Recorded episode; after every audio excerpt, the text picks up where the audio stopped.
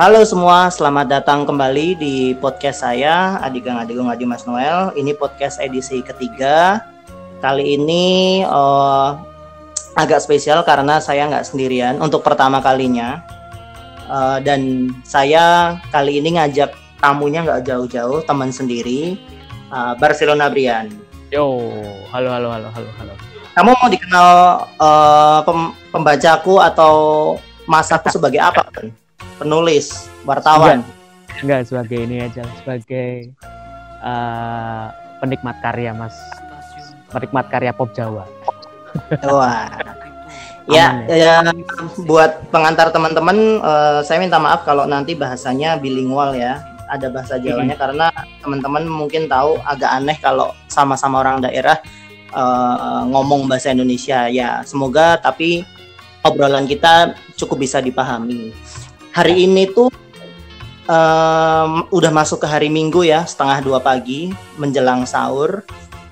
Uh, kenapa saya mengundang Bona? Mungkin uh, teman-teman udah beberapa bisa menebak karena memang ini sebenarnya periode yang spesial. Sebenarnya saya juga udah udah jarang upload podcast padahal baru bikin dua kali, tapi tiba-tiba ada urgensi buat buat uh, ngajak Bona buat ayo kita ngobrol lagi sekali lagi uh, di minggu ini karena ada satu kejadian besar yang baru kita alamin ya. Hmm. Sama-sama kita ketahui 5 Mei kemarin kan Mas Didi berpulang gitu, Mas Didi Kempot. Uh, buat para fansnya tentu ini bukan hal yang gampang gitu dan uh, mungkin teman-teman juga udah tahu saya salah satu fans beliau. Dan Bona ini juga salah satu diehard fans juga. Dan sebagai pengantar sebagai biar teman-teman kebayang bagaimana kami berteman itu karena di tahun berapa ya Bun? 2016 ya 2017 uh. kami mengasuh sama-sama akun Enggak dong. media jauh, jauh sebelum itu dim. 2000 jauh sebelum 2013 2014 lah. Oh ya ya betul betul. Jadi saya pernah bikin satu akun parodinya Mas Didi Kempot namanya ada di Kempot karena beberapa lama nggak ter ter apa ya termanage dengan baik akhirnya bersama Bona dan uh, teman kami yang lain Niko sama Erwin akhirnya kami mengasuh uh, akun itu jauh sebelum ada apa ya istilahnya ya kelahiran kedua kelahiran, kelahiran kembalinya Mas Didi yeah. terus uh, untuk teman-teman yang butuh konteks uh, di momen 2019 kemarin bersama teman-teman dari uh, eh, RBI juga. Kami juga datang ke Taman Balai Kambang waktu itu dan kami juga bikin oh sorry sebenarnya itu bukan bikin ya tapi memang spontanitas kami meniatkan ya. untuk datang aja dan merekam. Tapi ternyata salah satu kawan kami Fajar atau yang bisa dikenal Jarkio mensirkulasikan itu ke media sosial dibantu teman-temannya yang lain. Akhirnya jadi uh, gulungan bola salju yang teman-teman kenal sekarang dan sebagainya dan sebagainya seperti kisah yang udah teman-teman tahu jadi sebenarnya uh, kami tuh punya relasi yang sangat personal uh, dalam konteks ini saya dan Bona tuh cukup sangat personal sekali dengan Mas Didi dengan karya-karyanya dengan lagunya dan kehilangan kemarin itu tuh uh, kejadian kemarin tuh benar-benar memukul telak kami gitu. Nah saya mau mulai dari Bona dulu gitu. Iya. Yeah. Uh, yeah. Di momen kamu uh, saya sudah baca obituarimu Bon aku mau neng apa blogmu gitu. Hmm. cuma pengen diceritain dong ke teman-teman gitu. Apa sih yang kamu lakukan di hari itu gitu dan apa perasaanmu ketika tahu itu terjadi? Sebetulnya kalau apa namanya hampir sama seperti semua orang yang dengar agak kencangan dikit pun hampir sama seperti semua orang yang dengar kabar waktu hari itu ya hampir sebagian hmm. besar pasti orang ngerasa kaget karena kan uh, apalagi beliau nggak punya rekam jejak penyakit sebelumnya gitu. Jadi bukan yang apa namanya bukan yang uh, sakit terus dirawat lama kemudian akhirnya berpulang kan. Jadi benar-benar tiba-tiba. Dan uh, kayaknya hampir sebagian besar mungkin umat muslim ya umat muslim yang mendengar kabar itu kayaknya masih tidur sih Dim. Soalnya itu kan pagi ya Dim ya. Jadi kayaknya habis baru baru sahur terus tidur jam 7 jam 8 tuh kan rata-rata teman-teman apalagi di momen work from home seperti ini kan mungkin masih tidur ya Dim ya. Jadi kayaknya sih hampir sebagian orang taunya agak telat dan saya termasuk yang taunya itu bukan langsung dari apa namanya bukan langsung dari TA info A1 dari keluarga atau apa cuman saya dari ini dari adik karena dibangunin sebetulnya. Dan setelah info itu uh, setelah saya dibangunin dikabarin kalau Mas Didi nggak ada uh, ini sih apa namanya berusaha untuk memvalidasi beritanya tuh sebetulnya bukan cari di internet tapi lah dari ini sih apa namanya dari beberapa pesan yang masuk yang menanyakan itu kayaknya ada tujuh atau delapan pesan masuk yang berusaha memverifikasi kabar duka itu dan belum sempat saya balas semua waktu pagi itu. Jadi kayaknya tanpa harus buka internet langsung tahu dari WhatsApp. Ketika ada banyak orang yang tanya berarti emang beneran berarti. Mm -hmm. terus kamu lagi uh, jadi kamu pertama kali tahunya tuh dari dari uh, WhatsApp itu iya. atau kamu dibangunin keluarga? Ya, jadi dibangunin terus kemudian uh, karena apa namanya kaget kan, maksudnya kaget itu kaget yang iya sih nek uang tangi turu terus linglung karena langsung dapat kabar mendadak itu. Cuman uh, yang bener-bener verifikasinya ketika ada beberapa rekan media yang nanyain tapi menurut saya ketika ada lebih dari tiga orang yang bertanya itu bukan menjadi pertanyaan tapi sudah jadi pernyataan baru kan jadi kayak verifikasi kan. Jadi ya udahlah akhirnya tahunya dari WhatsApp itu. Oke okay, oke okay, oke. Okay. terus apa respon pertamamu setelah ka kamu tahu itu beneran? Itu tuh terus apa yang kamu lakukan pun waktu itu? Uh, kayaknya sih ini sih dim. Hampir sebagian besar. Mungkin kamu juga mengalami ya apa namanya ketika tahu pertama udah pasti kaget tuh pasti. Cuman uh, saya yang paling tidak bisa apa namanya paling nggak bisa ngerasain harus sampai berkata apa-apa ya ketika baca mention lah di Twitter. Karena hampir di Twitter itu kayaknya uh, ngucapin bela sungkawa semua langsung mention gitu loh.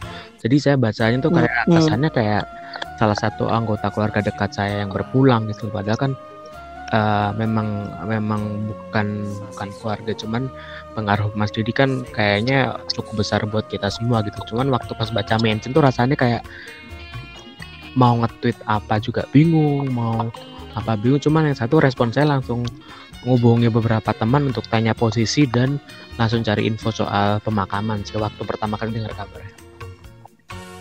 Mm -hmm, mm -hmm.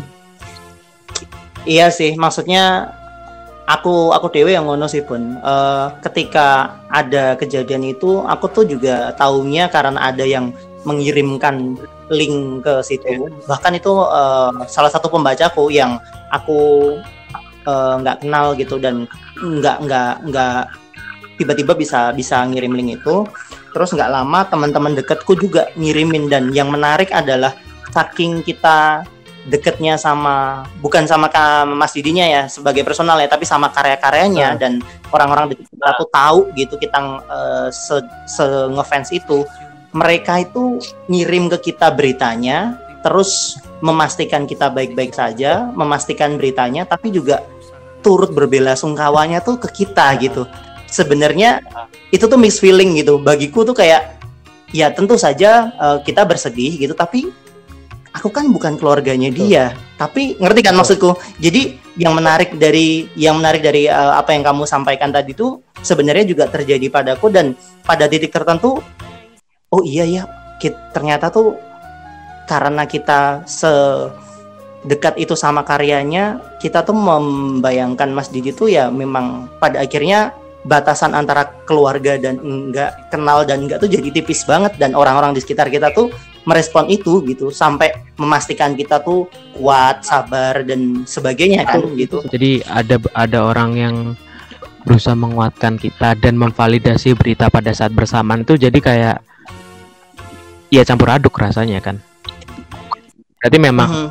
di satu sisi harus memberikan yang akurat tapi di sisi lain sebenarnya kita juga belum bisa memproses apa yang terjadi Betul. dan kita juga nggak kenal kenal banget Betul. ya gitu maksudnya. Cuman yang menarik berarti setelah mendapat ucapan itu kan berarti kita sudah dianggap punya asosiasi tertentu sama yang bersangkutan gitu jadi itu tuh bentuk-bentuk yeah. penghargaan yang menurutku menarik karena kita sudah dianggap berafiliasi yeah, yeah. dengan beliau langsung gitu.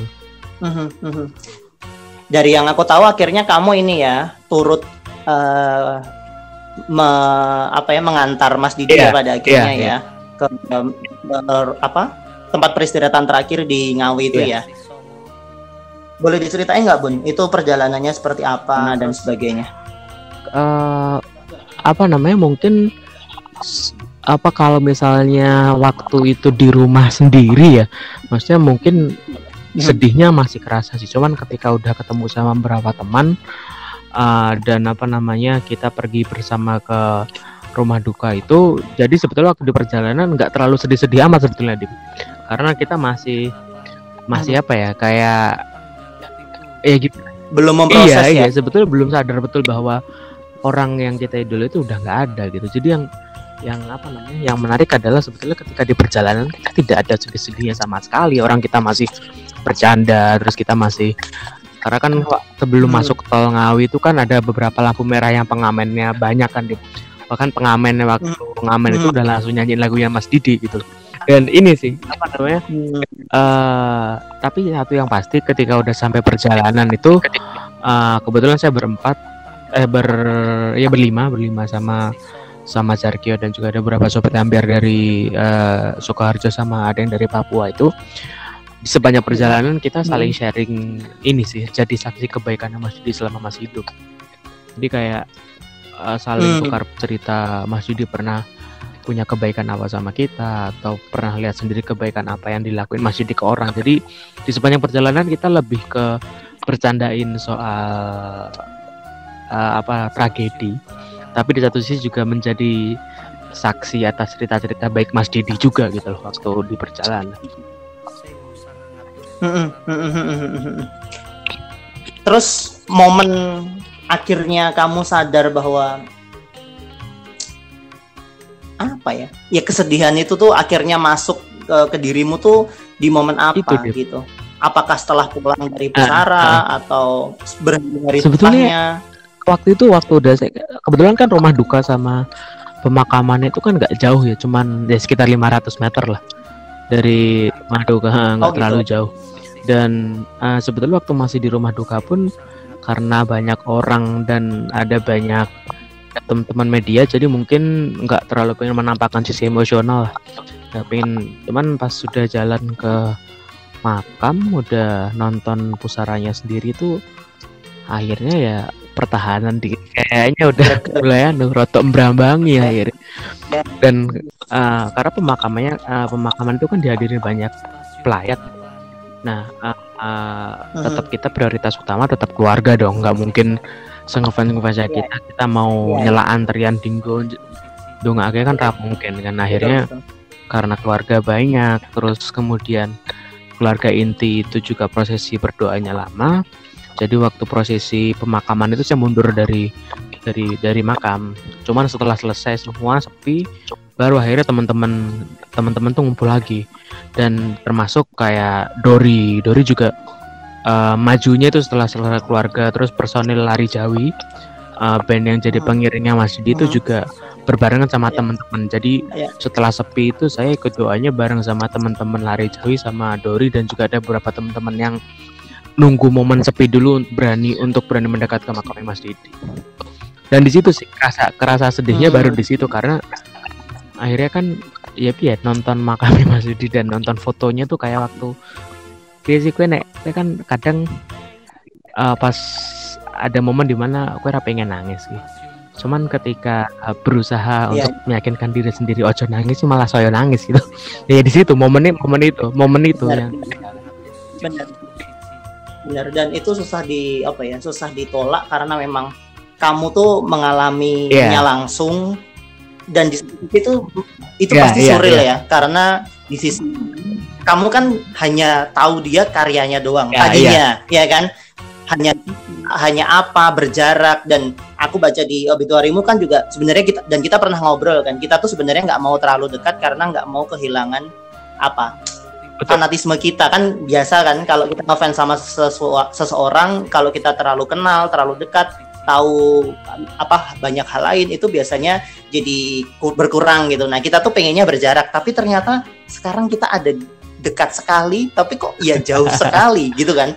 Kayak kita pernah nggak pernah nggak pernah ada di situ dan kebayang sih bun maksudnya uh, satu hal yang aku satu hal yang aku ya enggak bukan syukuri ya tapi ya kayak yang aku merasa aku masih kuat gitu itu ya karena aku Betul. tidak ikut uh, yeah. ada di situ begitu dan kan uh. waktu itu kan aku tanya kan Bun kamu di mana karena kondisinya di Solo mungkin aku uh. akan mengantar juga tapi ternyata karena Ngawi dan kalian udah jalan ya aku yeah. gak bisa yeah. ikut gitu dan aku bayang sih rasanya kebayang sih orang jangankan gitu kamu pos uh, pusaranya aja waktu aku ngelihat aja wah grekel pun iya dan ini dem yang kemarin sempat rame itu kan yang ada orang nangis yang dikasih ibu itu loh seperti video yang rame itu loh yang apa namanya ada orang nangis terus dikelilingi banyak orang rekam dulu gitu itu kan sempat rame kan uh-huh. itu itu ternyata uh, salah seorang penggemar biasa aja penggemar biasa uh, datang ke kasih ibu waktu dengar kabar terus lihat rombongan uh, mobil dengan jenazah itu pecah tangisnya terus ya kayak uh-huh. anak kecil nangis nangis yeah. itu terus akhirnya di yeah, iya, video yeah, kan nah maksudku maksudku hmm. Sebegitu berpengaruhnya Mas Yudi terhadap banyak orang gitu loh sehingga uh, orang tuh sudah yeah. tidak lagi punya batasan untuk menampilkan ekspresi di depan orang banyak gitu loh kan biasanya kan orang itu kan ya mungkin sedihnya ketika sepi, ketika di rumah atau ketika dekat sama orang-orang yang dia kenal aja kan. Tapi ketika uh, ini menyangkut soal idola dia, menyangkut soal Mas Yudi, kayaknya batasan-batasan itu langsung lebur gitu. Jadi mau nangis kecer dengar umum ya dia wis peduli meneh gitu. Benar, benar, benar. Iya aku baca juga komen di uh, apa di Twitter kalau nggak salah karena apa tahu Mas Didi meninggal gitu ada iya. salah satu bapak seorang netizen gitu juga katanya yang tadinya semangat nyanyi-nyanyi cuci-cuci mobil ketika tahu tuh langsung apa uh, langsung melebu kamar langsung burung bapak-bapak om bapak, ya, kampung ya, sing ya. ceria ngono lho Bun sing tiba-tiba langsung oh, Pak Ade-Ade yang selalu bahagia selalu dengan jokes-jokesnya itu tiba-tiba mak peler tok jadi ini langsung surut yeah. semangatnya dan memang piye ya ya itu memang tiba-tiba uh. banget kan kita tuh ya bener, -bener mengawali hari ya karena aku nggak puasa ya uh. waktu itu aku udah bangun gitu tapi kayak tapi suril banget tapi, gitu kayak uh, kamu dengar dari mana dim dari TV atau dari internet oh dari oh, dari oh, WhatsApp okay. tadi yang aku bilang dari salah satu uh, tiba-tiba ngirimin padahal aku juga nggak uh. kenal gitu dan uh, karena headline-nya apa surat uh, kabarnya langsung oh. dari ah. Detikcom ya nggak ya, bisa ya. di kan beritanya aku langsung melek aku buka laptop aku googling googling nggak lama di ah. grup RBI ah. kan waktu itu keluar langsung ada validasinya wah langsung. Yo. Sama sih aku nggak nggak merasakan sedih. Maksudnya bukan bukan merasakan sedih ya tapi karena masih linglung itu tadi masih belum sadar masih iya. nggak yeah. kerasa apa apa Bon tapi ya ketika mulai udah jam 1, jam 2 terus kamu sempat update pusaranya wah itu baru beneran sadar tuh. Oh ini ya kehilangan ya. Makin malam makin satu dua hari lagi ya akhirnya ya wah kok malah makin nggak uh, uh, uh, karuan ya? Dan sebetulnya ini lucunya adalah lambat apa ini tuh kayak sedihnya tuh kayak kalau makan itu kayak makan ricis pedesnya telat gitu loh. Kalau ini sedihnya yang telat ini sedihnya yang telat. jadi di awal biasa biasa biasa biasa makin ke sini makin ke sini kok soyen lodro makin kerasa. Nah karena menariknya adalah uh, mungkin kita punya masing-masing idola ya Dem ya. Kamu punya idola penyair mungkin kamu punya idola hmm. penulis kamu punya idola sastrawan siapa aku mungkin punya idola pesepak bola siapa atau pemusik siapa. Cuman uh, setelah melewati beberapa kali kehilangan ya sedih sedih ya. Cuman kok rasanya tidak se linglung ini gitu loh. Baru baru ini aku pertama kali merasakan orangnya jauh tapi dekat dibilang dekat tapi jauh gitu. Sih maksudnya secara personal secara personal yeah, mungkin yeah. kita uh, sudah punya akses untuk langsung berhubungan dengan Mas Didi tapi uh, secara garis darah kita kan jauh kan iya kan jadi itu tadi hmm. masih belum banyak yang kita tahu dan ya kita ngobrol paling bisa dihitung jari tapi iya, kok iya, iya. apalagi apalagi ya apa namanya setelah setelah kita mengetahui cerita-cerita personal yang mungkin dulu selama kita jadi pendengar itu nggak kita banyak tahu gitu. Tapi setelah kita punya akses untuk berhubungan langsung dengan Mahdi cerita itu malah jadi semakin membuat kita kagum gitu loh. Iya iya benar. Benar benar benar benar banget. Aku juga berkontak kan sama teman-teman yang lain ya Fajar juga terus oh, ya, Cecep ya. Cecep ya, kan ya. juga Die Hard kan. Salah satu orang yang paling sering ngerespon kita waktu masih akun kita kan dulu namanya kan dulu Bener. dulu pertama banget tuh namanya kan Dadi Keempat Mania Din Didi Keempat Mania dengan ya, dengan, bener, dengan bener. password yang bener, sangat bener, mudah bener. dibajak orang yaitu passwordnya solo balapan kemudian karena bener, bener, bener. karena sering dibajak karena sering bukan dibajak sering disalah mention sama radio dikira kita adalah akun akunnya Mas Jidi terus takut kita salah inspirasi kita jadikan diubah, diubah jadi parodi sekalian jadi dari keempat nah ya Cecep tuh ya, ya, di situ kan ya. dan dia sering sering dan aku juga tanya gitu sama dia gimana perasaan uh, kondisi dua tiga hari uh, hmm. baru tadi aku tanya wah itu makin ambiar apalagi hari oh, ini iya, kan iya. Synchronize Fest ini ya bener, bener. upload ya.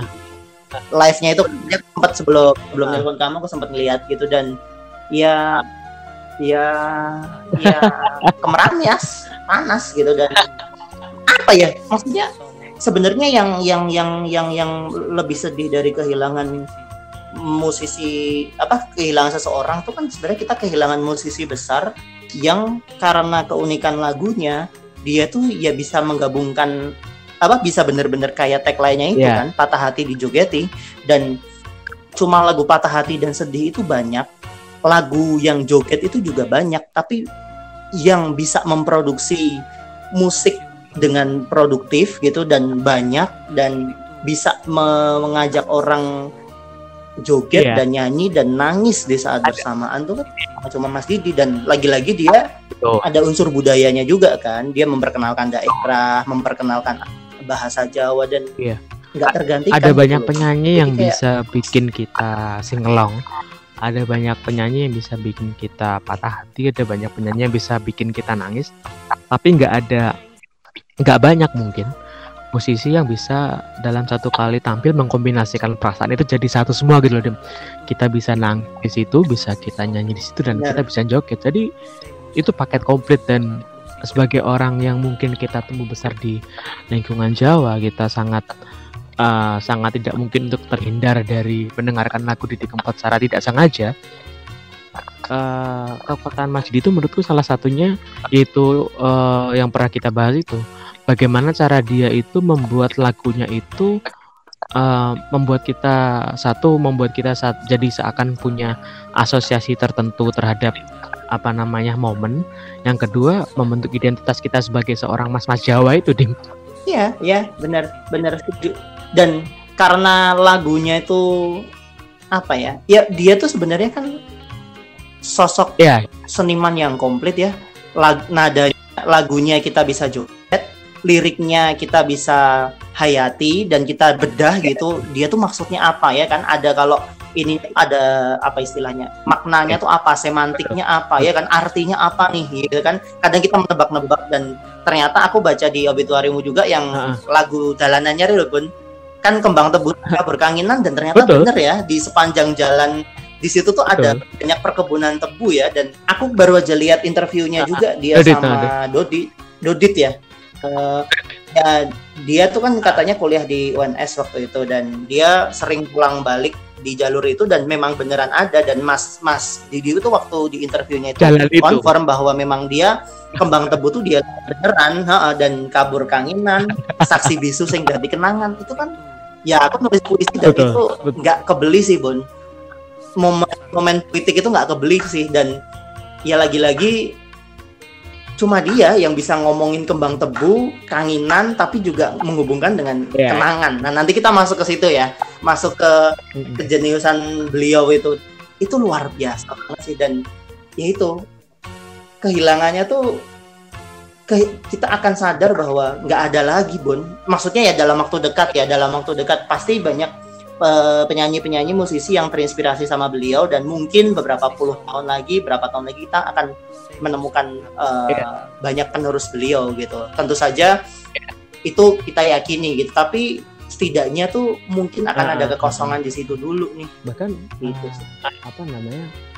Sama seperti bagaimana sama seperti bagaimana apa namanya orang Betawi melihat uh, Benyamin Sueb misalnya kemudian kemudian bagaimana teman-teman ya? di Sunda melihat hmm. uh, Dul Sumbang misalnya uh, uh, Didi Kempot itu kan kultur kan udah menjadi bagian dari kehidupan dan budaya orang-orang Jawa gitu jadi sebetulnya uh, uh, apa namanya Mas Didi itu ya ya seorang musisi iya uh, seorang budayawan juga menurutku iya karena menurutku apa yang dia lakukan kontribusinya terhadap budaya Jawa itu mungkin bahkan lebih kontributif dibandingkan orang-orang yang sering dapat label budayawan gitu. Mm -hmm, Dan menurutku dia ini betul, agen itu, pariwisata itu, itu daerah nomor satu juga gitu. Betul. Karena dia ngomong, oh, oh. misalnya bikin lagu apa Parang Tritis Iya. Yeah. Hutan gerimis, uh-uh. Parang tritis misalnya. Ati Coyote Iris itu kan sedikit banyak membuat orang teringat lagi. Terus mungkin orang yang uh, kangen sama parang tritis yang tinggal Betul. di daerah situ mungkin ayo nih parang tritis misalnya. Itu kan sesuatu yang Dan sumbang sih yang yang, yang jangan nggak bisa jangan lupa nggak bisa jangan lupa gitu dan betul dan, kalau itu itu itu mungkin dampak personal Apa? ya dampak personal hmm. yang mungkin uh, apa namanya takarannya abstrak ya karena kan soal perasaan ya. Tapi ya, yang paling bisa dihitung itu ya, ya yang ya, paling kentara dari dari Solo balapan. Impactnya itu uh, seperti yang pernah dibilang Mas Didi uh-huh. itu berdampaknya langsung ke beberapa stasiun di kota Jawa. Karena setelah lagu itu naik uh, uh, apa namanya balapan itu menjadi uh, prototipe untuk bagaimana stasiun itu dibangun dan diperlakukan, kemudian itu merambat ke beberapa stasiun di Pulau Jawa. Dan itu memang kerasa dari lagu itu stasiun yang menjadi ikon, stasiun yang menjadi bagian penting dari sebuah lagu akhirnya mendapatkan treatment bagus karena namanya melambung. Dan itu menjadi contoh di kota-kota lain. Dan itu yang kerasa. Ya, ya, ya dan memang Mas Didi sendiri pun pernah bilang bahwa memang dia tuh suka menciptakan lagu-lagu berdasar daerah itu kan karena iya itu yang dia betul, itu sumbang sih yang bisa dia lakukan gitu itu apa ya istilahnya dedikasinya dia gitu untuk satu daerah yang setelah dia datang misalnya dia dari nah. Suriname gitu kan dia kan terkenal banget di sana terus akhirnya dia bikin lagu ya. tentang Nikeri bikin lagu apa yang ya. kangen kowe itu yang angin para maribu hmm. itu tuh karena dia ada di sana terus Jogja juga Ngawi dan semua dan semuanya. Aku sejujurnya untuk meredakan kesedihanku kemarin uh, malah ini Bon bikin direktori lagunya dia tuh apa aja yang aku bisa temukan di internet dan aku coba gitu seleksi seberapa banyak sih lagu-lagu hmm. dia yang berdasarkan tempat itu dan dari ratusan lagunya mungkin seper hmm. berapa seper sepuluh persennya lah itu isinya empat semua bun ya. mungkin lebih dari itu yang aku nggak bisa nggak bisa tahu ya tapi yang aku lihat itu dan hampir semua tempat di Pulau Jawa Pulau Jawa khususnya Jawa Tengah ya Jawa Tengah Jawa Timur terus ya, uh, Medan itu Kuala Namu terus Sumba ya. Kalimantan ya. itu ada semua dan dan aku nggak tahu ya pembandingnya siapa gitu musisi tradisi gitu ya yang yang bisa mengcover semua daerah itu gitu. Jadi maksudnya aku cuma mau bilang bahwa ya Mas Didi itu nggak nggak cuma sekedar musisi yang piawai bikin kita patah hati dan berjoget gitu tapi juga dia memperhatikan aspek-aspek sosial masyarakat uh, kalau daerah tertentu kalau ditanya apa namanya sebetulnya uh, terkait citra uh, bagaimana kamu mengingat Mas Didi, kamu lebih mengingat dia hmm. sebagai hmm. orang yang melantunkan lagu patah hati atau orang yang banyak membawakan lagu dengan nuansa fun? Karena menurutku ada perbedaannya cukup mencolok di antara ya. dua gelombang uh, fansnya ini. Ada orang yang lebih concern ke lagu-lagu dia patah hati kayak ke Taman Asmoro, Cidro, Kalung Mas dan sebagainya. Cuma ada juga lagu yang uh, menurutku itu hanya lagu yang bisa dibawa sama Judi kayak uh, cintaku suka nyokong koder terus kayak anu Eop terus kayak kuncung terus kayak apa namanya kuncung ada lagu cuwi lantong itu kan itu ya, itu, ya itu itu sisi lain Mas Didi yang Plong. yang sering orang abai gitu kalau kamu melihatnya seperti apa ya, ya. Kalau aku melihatnya nah. itu tuh tergantung hmm. fase hidupku bun dalam artian gini ketika aku masa kecil Didi Kempot adalah yeah, yeah. penyanyi yang fun, ya kan? Karena kita mengenal Kuncung di momen yeah. itu walaupun Cidro juga umurnya tua ya, tapi kayak Cidro tuh menurutku dulu bukan favorit, bener nggak? Cidro itu dulu nggak nggak sesering itu diputar di radio, seingatku atau di VCD yeah. uh, di zaman segitu ya. Kita nggak kita nggak lihat Cidro tuh sebagai line up musik, line upnya tuh ya Kuncung ya kan? Pasti plong iya, iya. pasti cintaku sekonyong-konyong koder ya tau? Tapi memang ketika kita remaja tiba-tiba kita mendengar Saben Maya Lingser Wengi. Wah itu yeah, iya. meripat iki ora bisa turu ya kan? Habis itu stasiun balap Tanjung Mas tinggal janji itu nonjok gitu. Di antara masa kita mencari referensi musik barat musik Indonesia tiba-tiba ada satu lagu hmm. yang kok iki pas ya, hmm. ya liriknya apa nih dan sebagainya hingga akhirnya kembang ke sekian ini gitu dengan lagu-lagu yang lebih baru lebih lebih apa ya lebih oh. merekam uh, suasana hati anak muda zaman sekarang tapi aku sepakat sama kamu sih ada beberapa periodisasi image di di keempat di di apa di ingatan yeah, kita yeah, sebagai yeah. pemuda karena, Jawa karena atau remaja Jawa di zaman ini. Uh, apa namanya uh, di benakku ini bukan berusaha untuk ini ya bukan berusaha untuk waku us paling ngerti kayak bian gitu karena kan karena kan uh, orang itu kan yeah, yeah, bukan yeah. bukan bagaimana cara eh bukan kapan dia kenalan yang penting sampai kapan dia masih mendengarkan yang penting kan cuman kalau dari awal perkenalanku sih sebetulnya aku sampai sekarang masih yeah, yeah.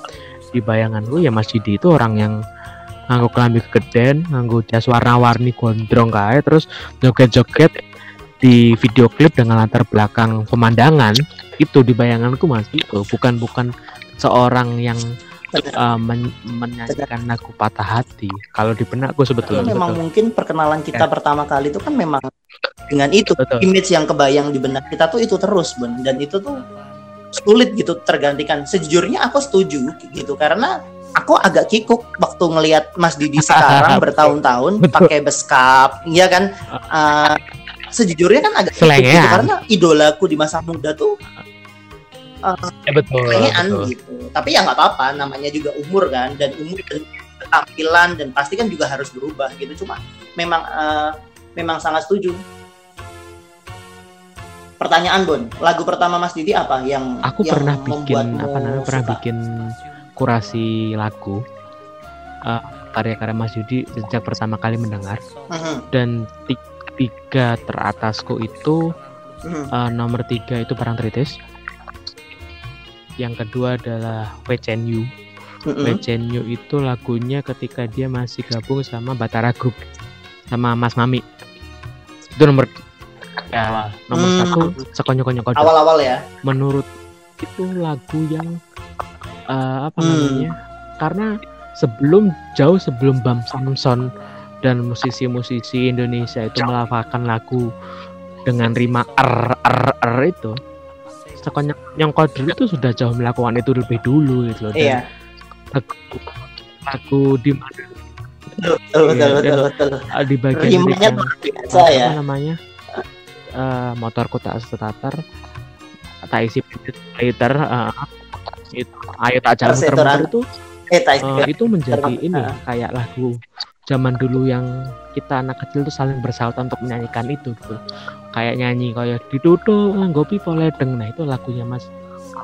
Seperti seperti caranya sama seperti kita ya, ya. Jadi ya, ya, cinta kusukannya konter menjadi lagu pertama dan yang paling berkesan buatku karena saya punya banyak memori masa kecil yang membawakan lagu waktu itu gitu Kalau kamu apa Dim? Uh-huh. Kuncung sih yang paling membekas tuh karena ya, itu mungkin mungkin bersamaan ya sama cintaku sekonyok-konyok koder tapi kalau kuncung yang ah, membuatku iya. membekas ya. justru karena video klipnya Bener. kan uh, nama mo, uh, nama model video klipnya uh, iya, kalau iya. nggak salah kawannya Mas Didi juga kan yang jadi kuncung itu uh, sebetulnya di lagu kuncung itu dim itu kan ada apa namanya ada lirik yang dulu sering kita nyanyikan tapi kita mungkin apa namanya nggak tahu lagunya siapa. Yang pas bagian cilianku rambutku dicukur kunjung itu kan itu kayak ya apa uh, penggalan lirik yang kayaknya dinyanyiin semua orang pada waktu itu kan dan anak, anak kecil udah biasanya loh itu buat ya, ngejekin ya, ya cah cilik-cilik sing zaman SD rambutnya saya bisa botak mesti kan ece-ecenane lagu kuncung gue biasanya dulu. benar, benar, benar, benar. Durung ono sapu. Zaman biyen. Celetukan celetukan celetukan celetukan itu itu itu. Itu tuh kayak kita mendengar kasino tapi dengan kemampuan menyanyi yang bagus karena kan kalau kasino kan celetukannya biasanya di warkop kan nah, tapi Mas Didi tuh bisa bisa menertakan celetukan ke dalam bentuk lagu dan tidak terdengar berlebihan kayak orang yang menyanyikan lagu parodi gitu loh Ya ya ya, setuju, setuju, setuju. dan aku selalu percaya ini, Din. Luar biasa uh, banget ya. dan aku selalu percaya bahwa Majidi itu adalah orang yang besar di kultur Benar. sebagai seorang pengamen. Di dulu dinasti lewat ke Prabon terus dia pernah ngamen di Malioboro. Terus dia mamen di Palmerah di Slipi itu. Satu satu yang aku lihat uh, kemampuan hmm. dari perspektif musik ya. Mas Didi itu kemampuan vokalnya itu itu apa ya karakter timbre vokal yang khas pengamen. Maksudku dalam artian yang kalau dia bergetar dan suaranya kencang sekalipun itu dia stabil. Karena kalau pengamen itu kan ketika menyanyi kan harus bersaingan sama knalpot sama suara bising jalan kan. Jadi mau tidak mau harus punya karakter vokal yang kencang dan timbre vokal yang stabil. Nah menurutku dari perspektif musik yang masih ter lekat dari Mas Judi sebagai seorang yang dulu pengamen adalah itu karakter suaranya ketika dia nyanyi kenceng dia nyanyi uh, suara yang keras itu dia masih vokalnya masih stabil. Tapi di luar urusan teknik musik yang aku lihat sebagai seorang yang dulu jadi pengamen adalah dia orang yang masih menghargai pertemanan dia masih menjadi wong cilik dan dia bisa mengapresiasi uh, apa namanya meng mengapresiasi ketika orang punya uang gitu. Jadi tidak apa ya wong ralali asal usulnya dulu benar benar uh, aku punya cerita menarik soal itu pun jadi waktu aku di nama jalan di Jakarta Pusat yang dekat Menteng yang banyak makanan itu apa ya? Oh, jalan iya, iya. Jaksa. Bukan sekitaran Sabang. Sampingnya jalan apa Sabang. Nah, Nah, hmm. di Jalan Sabang pernah makan sama ah. seorang kawan. Terus di situ tuh ada pengamen. Pengamennya nyanyi lagu uh, lagu. Latin waktu itu, Besame Mucho gitulah. Wah, ini kebetulan aku kan juga suka dan aku tanya bisa request nggak? Bisa. Nyanyilah dia lagu Latin banyak. Terus akhirnya aku ajak ngobrol karena dia lagi santai, dia akhirnya duduk tanya Pak dari mana, terus kok bisa lagu Latin dari siapa, dari percakapan itu ternyata berlanjut, eh kok nyebar uh, cerita ternyata hmm. dia itu teman masa mudanya Didi Kempot di hmm. zaman mereka sama-sama ngamen di Palmerah Sleepy dan dari situ akhirnya dia bersaksi akan banyak hal gitu dari mulai gimana Didi Kempot memperlakukan dia, gimana suatu yeah. hari dia datang ke konsernya Didi Kempot dan Didi Kempot masih mengingat dia yeah. dan dia merasa dia tuh di diuongke gitu sama Didi Kempot setelah bertahun-tahun nggak ketemu apa dan sebagainya. Memorinya dia tuh juga sebagus itu dan aku bisa confirm itu gitu. Karena aku menyaksikan sendiri uh, teman pengamennya yang sampai sekarang masih uh, di jalan gitu masih ngamen dan itu yang menarik ini Dim waktu respect gitu sama dia. kemarin naik lagi dan, gitu kan Mas Didi kemudian diundang di banyak interview kan? Ada salah satu interview kalau nggak salah di di net kalau nggak salah ya kalau di net atau di metro itu uh, Mas Didi itu datang dengan disurprise dikasih bintang tamunya ini mantan ibu yang jual warteg ketika Mas Didi masih jadi pengamen. Jadi hmm. uh, waktu masih zaman susah lah ibu-ibu dari hmm. daerah Jawa Tengah yang jadi yang buka usaha warteg yang jadi favoritnya Mas Didi ketika masih ngamen gitu. Nah itu ya ibunya cerita apa setelah dia mm-hmm. setelah dia naik setelah kepopulerannya meningkat terus apa namanya sudah tidak ngamen lagi masih main ke sana dan bahkan seingatku sehabis rekaman tapping itu tapping apa tapping uh, talk show itu ibu itu dikasih nominal uang nggak sedikit sebagai bentuk ucapan terima kasih dia karena waktu masih ngamen diopeni lah kasarannya sama dia. Nah, kita kita dengar sih cerita-cerita kayak gitu ya, kayaknya banyak. Terus fakta menarik bahwa katanya, hmm. nah ini aku nggak tahu nih, kamu tahu nggak ini uh, confirm nggak? Konon dia kalau ke Jakarta kan katanya juga nginepnya di itu kan hotel uh, di daerah Sleepis itu biar bisa ngeliat tuh tampil perempatan tempat dia dulu uh, ngamen. Uh, yang uh, itu aku lupa nama hotelnya apa cuman kamar yang selalu dipilih Mas Didi ketika tampil di situ, di situ gitu. Kamar di situ dan aku bisa konfirm karena waktu terakhir uh, ketemu di Jakarta iya. untuk nonton di acara Rossi itu uh, masih pickupnya di situ. Dan di kamar yang kayaknya sudah menjadi langganan dia, dia gitu. langganannya dia iya iya.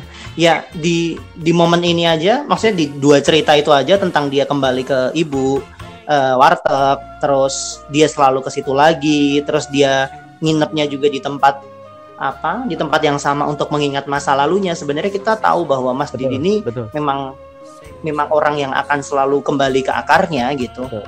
Orang yang nggak akan lupa dari mana dia berasal dan ya dia pasti akan menghargai itu semua gitu dan aku bisa relate sama sama perasaan dia deket sama ibu warteg itu dan akan kembali karena memang ya kita kan sama-sama merantau ya Bon ya di Jakarta gitu dan pasti kita punya kedekatan personal sama orang-orang yang kita bersentuhan setiap hari kan mulai dari penjual makanan atau mungkin mbak-mbak laundry atau mungkin bapak-bapak yang mungkin jual uh, kelontong itu tuh itu tuh sesuatu yang sesuatu yang bisa uh, mereka tuh seseorang yang bisa menggantikan Betul. orang yang peduli kita di rumah sih kayak keluarga kedua kan kayak karena mereka tahu kebiasaan kita Mas Bona Mas Dimas yeah. ayo apa misalnya atau kemarin kok pengganti keluarga nggak hadir di mana kemarin kok nggak ke sini kan gitu. jadi kayak pengganti keluarga dan dan pasti ikatannya juga dalam banget sih dan salut sih maksudnya Mas Didi tuh memang se betul betul se kalau kalau itu, mungkin gitu. padahal dia punya pilihan uh, untuk nggak harus kayak gitu, aja gitu. ya kalau misalnya mungkin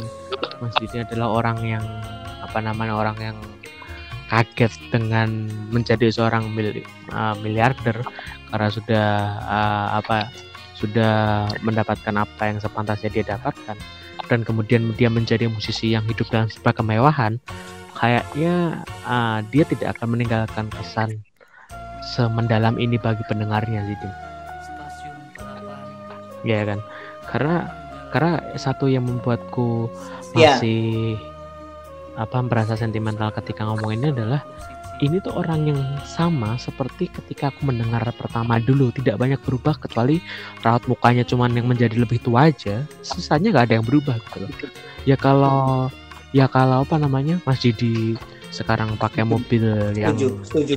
apa namanya mobil yang memang khusus untuk jarak jauh dengan harga yang cukup lumayan ya itu wajar. Karena mobilitas dia kan dari kota ke kota kan lumayan tinggi kan.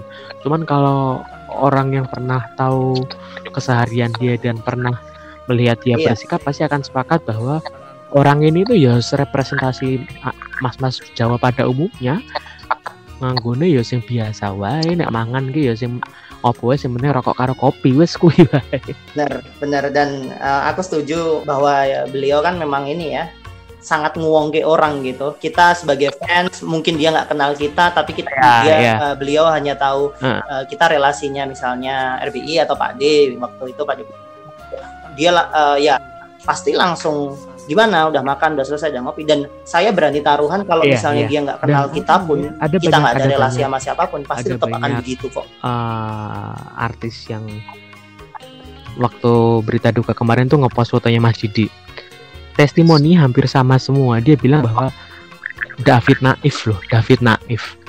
Orang yang orang yang apa namanya mungkin irisan musiknya sangat jauh dari dari Mas Didi hmm. ketika ketemu itu dia ngasih testimoni yang saya baru ini ketemu sama orang musisi senior yang berulang kali ma bilang matur nuwun terima kasih. Itu ya, ya. Mas Didi itu. Dan uh, satu-satunya musisi senior yang pernah ya. aku temui ya. dan aku harus foto itu ya, ya dia gitu. Begitu juga aku lihat postingannya Ronald Surapraja, aku lihat postingannya beberapa musisi kayak Soima, terus kayak uh, pelaku industri dangdut yang ada di Indonesia itu hampir semua testimoninya selalu sama. Dia orang yang wong ke wong dia, tidak peduli siapa kamu. Ketika ketemu ya dia anggap oh, kita ini sederajat gitu pada-pada menung sana gitu. Ya, ya, ya, ya. Dan yang lebih susah dari menjadi populer kan itu kan tetap tetap bisa membumi dan tetap bisa mem memijak tanah itu dan yeah. Iya. uh, belajar banyak sih dari sikap hidupnya Mas Didi. Uh, ada satu hal yang menarik Bon soal uh, kembali ke jalan, soal melihat uh, dekat dengan jalanan, dengan dengan taraf ekonomi tertentu yang selalu jadi selalu jadi fokusnya Mas Didi di lagu-lagunya. Jadi um, aku lupa pernah baca di mana atau pernah dengar dari siapa, tapi memang dia itu kan memang bikin lagu rata-rata kalau misalnya patah hati itu kalau enggak terminal stasiun ya kan kalau uh, uh, uh. bandara itu atau mungkin di tulisanmu ya kalau di bandara itu uh, ya paling ada yang Kuala Namu aja. Dan uh, menurut cukup masuk akal Kalau ya di bandara sama uh, ketika dia menjawab bahwa stasiun itu beda. kesedihan itu kan Betul. itu tulisanmu ya kalau nggak salah ya aku lupa. Belum tentu tahu kalau, kapan ketemu. kalau kalau di terminal dan stasiun itu kan pasti belum tentu benar benar benar. Dan aku dan aku sangat sangat Betul. sangat setuju gitu. Dan uh, dia membuat itu kan berarti dengan kesadaran gitu dengan kesadaran bahwa ini itu satu-satunya sedikit yang bisa dia beri untuk uh, istilahnya membuat rasa capek orang-orang dari kelas ekonomi menengah ke bawah ini tuh sedikit terobati gitu dengan mendengarkan lagu yang sangat mereka sekali ya kan pada titik tertentu lagu itu kan bisa jadi katarsis gitu Betul. bisa jadi sesuatu yang malah melegakan gitu walau karena menggambarkan mereka dan sebagainya. Dan itu itu kalau di penulisan uh, ya memberikan suara untuk orang yang nggak punya suara gitu. Karena kalau cerita tentang orang jatuh cinta dan pacaran di kafe itu kan semua orang yang uh, banyak musisi bisa melakukan itu gitu. Tapi berapa banyak musisi yang bisa sampai ke bawah dan menceritakan hal-hal yang hal-hal yang hal-hal yang hal-hal yang sepele mungkin hal-hal yang mungkin nggak dianggap keren hal-hal yang mungkin nggak dekat sama mereka dan, dan itu butuh originalitas sih bun. Butuh beneran orang yang pernah ada di posisi itu gitu. Nggak mungkin bisa. Nggak mungkin bisa ketika nipu dia gitu. punya dan segala fasilitas uh -uh. untuk punya perspektif berbeda uh, tentang urusan asmara dia masih menggunakan perspektif lamanya bagi seorang yang orang-orang orang apa nama orang wong randu ya wong sing uh, banyak kendala yeah. ketika mau ketemu ya seperti itu kan. Perspektif orang paling menderita nomor satu sedunia itu yang bisa mati cuma Mas Didi sih. Bener. Padahal gini loh maksudku kalau dulu dia bikin lagu tentang dirinya yaitu mungkin wajar ya yeah, karena yeah. dia nggak juga nggak mungkin bisa bikin lagu tentang kehidupan mewah kalau dia belum mewah ya kan tapi kalau sekarang itu tuh kan sebenarnya dia bisa. Dan dia sudah istilahnya dengan semua pencapaiannya dia dekat hmm. gitu dengan dunia yang bukan de- bukan hmm. bukan bukan hal aneh gitu. Dia melihat hidup yang mewah hidup yang apa. Tapi mata mata beliau itu tetap tertuju ke teman-temannya yang ada di bawah dan tetap menciptakan itu. Padahal kalau kita mau mau hitung-hitungan uh, pragmatis gitu ya hitung-hitungan oportunis kan dia bisa aja menciptakan lagu untuk para pejabat ya kan? Menciptakan lagu untuk orang-orang kaya ya mungkin dengan harapan biar dapat job atau dapat apa dari orang kaya gitu. Karena kalau dari menengah ke bawah misalnya ya mungkin nggak ada banyak dari segi materi tapi ya dia nggak peduli gitu. Karena di satu interview dia bilang yang penting jujur aja gitu. Kalau jujur dan konsisten itu pasti seniman akan ya akan menunjukkan ciri khasnya, menunjukkan menunjukkan dirinya dan ya pasti akan dikenal, eh dikenal, dikenang gitu. Dan uh. salut sih sama konsistensinya dia untuk terus ada di situ gitu. Dan dari berpulang ke masjid yeah. itu kemarin yeah. sebetulnya uh, yang pernah kita lakukan itu kan dari awal ya Dim ya mungkin aku dan kamu punya uh, pendapat yang sama kita tidak pernah mau memviralkan atau mengklaim sebagai orang yang melahirkan lagi kan Din. Tapi dari awal kalau aku punya prinsip bahwa Mas Didi ini harus dilegitimasi status legendnya gitu loh karena uh, uh, sebelum Balai Kambang dan semua uh, keramaian di internet uh -huh. setelah itu menurutku Mas Didi itu tidak pernah mendapatkan apresiasi sebagaimana mestinya Dim karena lagu cover dia bahkan itu jauh lebih banyak viewersnya ketika dibawakan musisi lain dibandingkan ketika dia bawakan sendiri itu. Karena orang hanya melihat Mas Judi sebagai oh iki penyanyi ya. asli nih cuman secara nama secara brand secara dia sebagai seorang personal itu kalah kalah menjual dibandingkan nama-nama ya kayak misalnya ya suka cover lagu dia gitu loh Makanya sebetulnya kan yang kita lakukan di awal-awal itu di Balai Kambang, di lini masa, pernah bikin akun itu kan kita berusaha untuk melegimit, melegitimasi status superstar dia kan. Makanya dulu kita bikinnya jadi namanya superstar Jawa. Iya, superstar Jawa kan. Karena kita berusaha untuk melegitimasi itu. Superstar kan.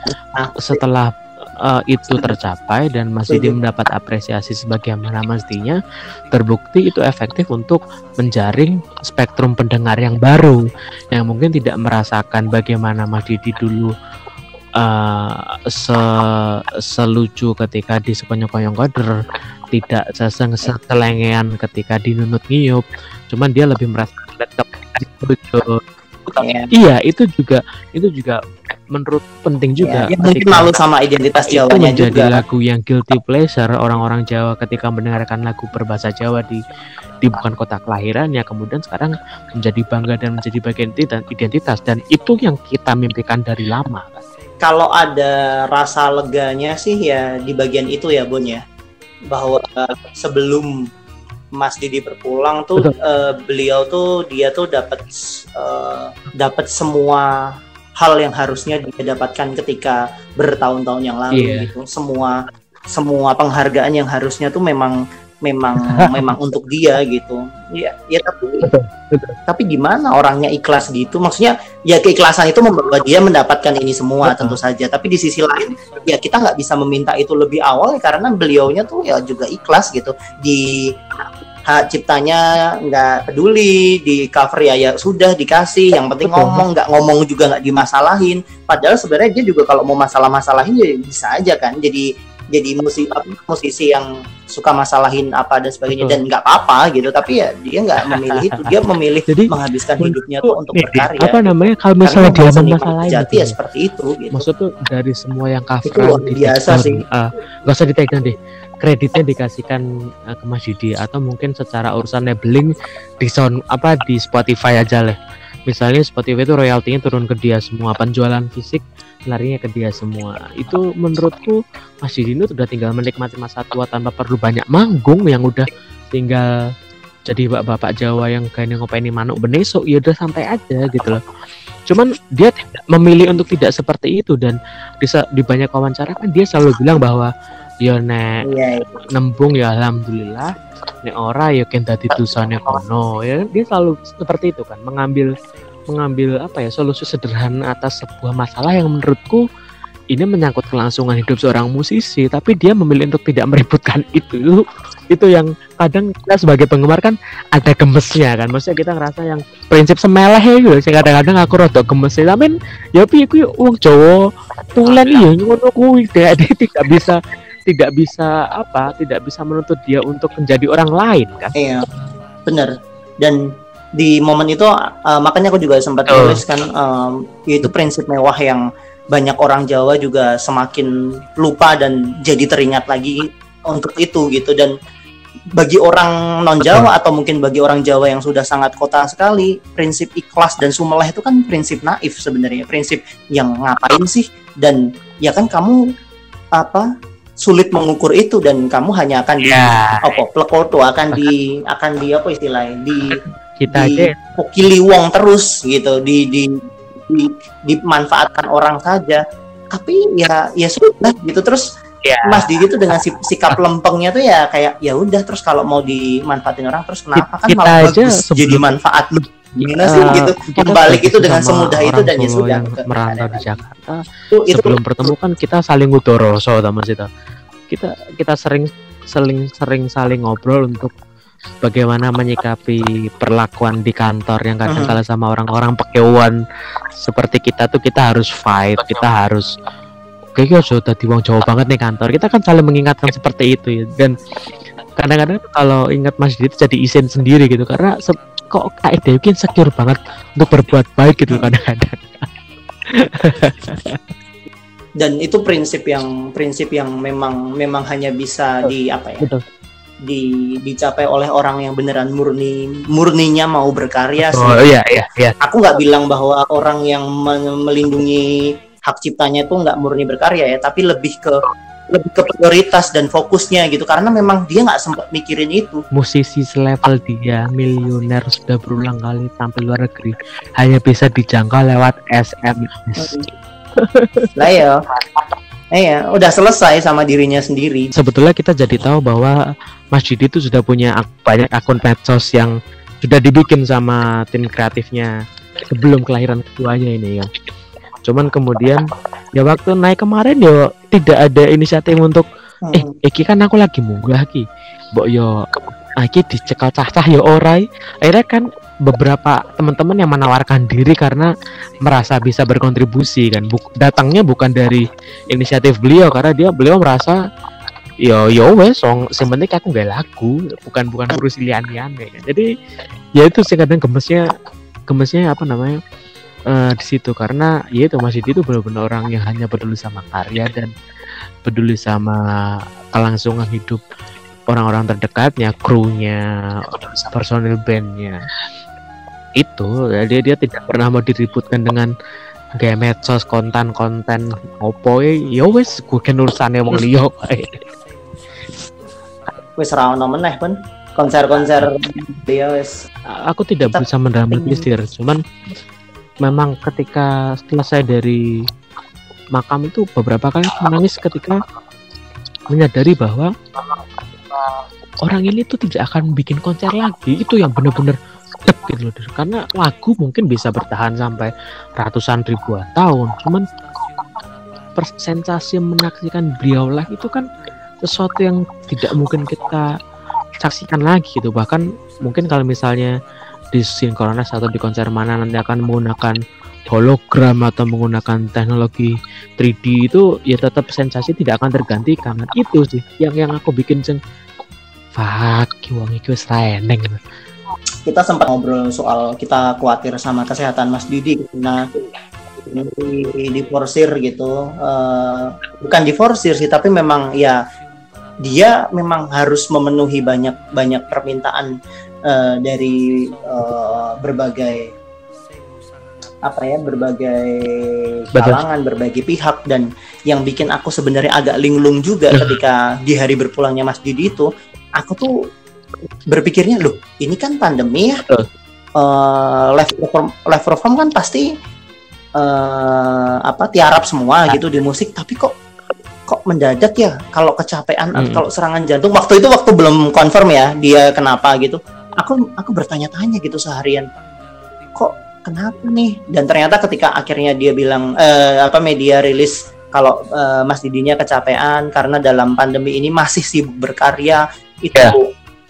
aku di satu sisi uh, teringat obrolan kita itu teringat keresahan kita itu tapi di sisi lain juga sebenarnya agak lega karena ya memang ini seniman sejati gitu eh, hidup dan matinya tuh untuk berkarya gitu. Bahkan di masa-masa terakhirnya pun dia masih berkarya masih konser amal yang mendatangkan dan uh, miliaran untuk penanggulangan covid itu kan juga warisan berharga. Dan itu sih gitu luar biasa. pernyataan bahwa hidupnya beliau tuh kayaknya di beberapa tahun terakhir hidupnya untuk orang lain gitu. Karena uh, di masa pandemi ini dia sudah pernah bikin lagu tentang virus corona.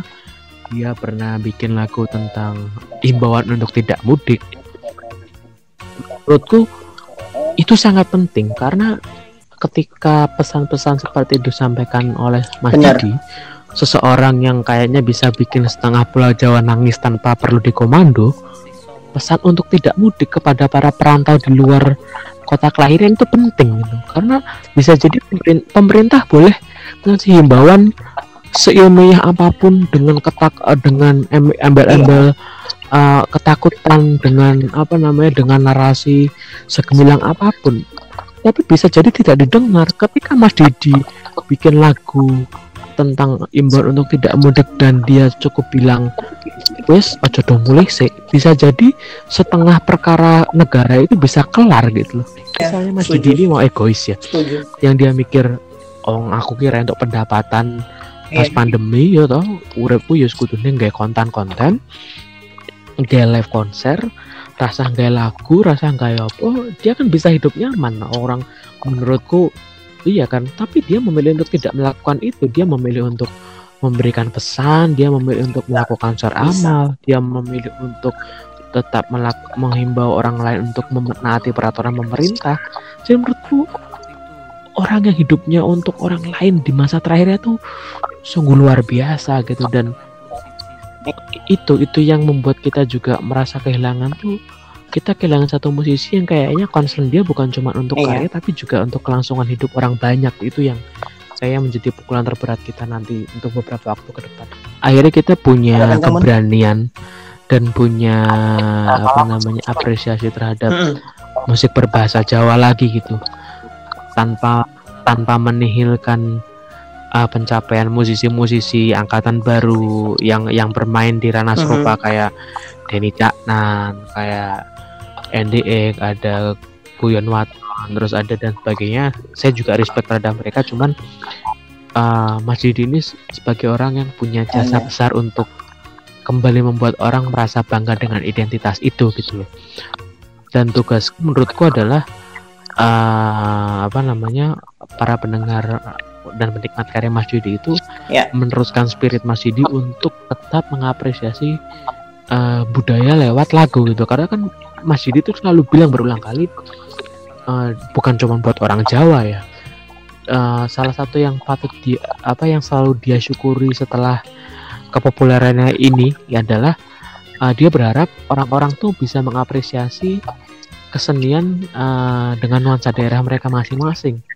Mau dia dari Jawa dia mau Sunda dari Betawi orang-orang tuh harus merasa bangga dengan identitas dia sebagai orang daerah itu gitu. Dan yes. mungkin kita punya privilege jadi ya mungkin kita sebagai orang Jawa dan kita punya kita lahir di kota yang melahirkan banyak seniman karya yang mengusung tema kedaerahan. Itu cuman ada berapa banyak kan misalnya musisi di daerah yang anak-anak daerah situ tidak merasa bangga mendengarkan karena takut dicap sebagai orang kampungan, orang dari dusun yang tertinggal, orang yang dari tempat yang masih jauh dari peradaban hanya karena lagunya tidak populer dan tidak mendapat apresiasi gitu. Jadi menurutku spirit soal kedaerahan dan bangga atas musik lokal itu yang harus diteruskan sama teman-teman kempoter, sobat ambiar, sad boys dan apa pun yang um, berafiliasi sama pendukung penggemar Mas Didi gitu. Uh-huh, uh-huh.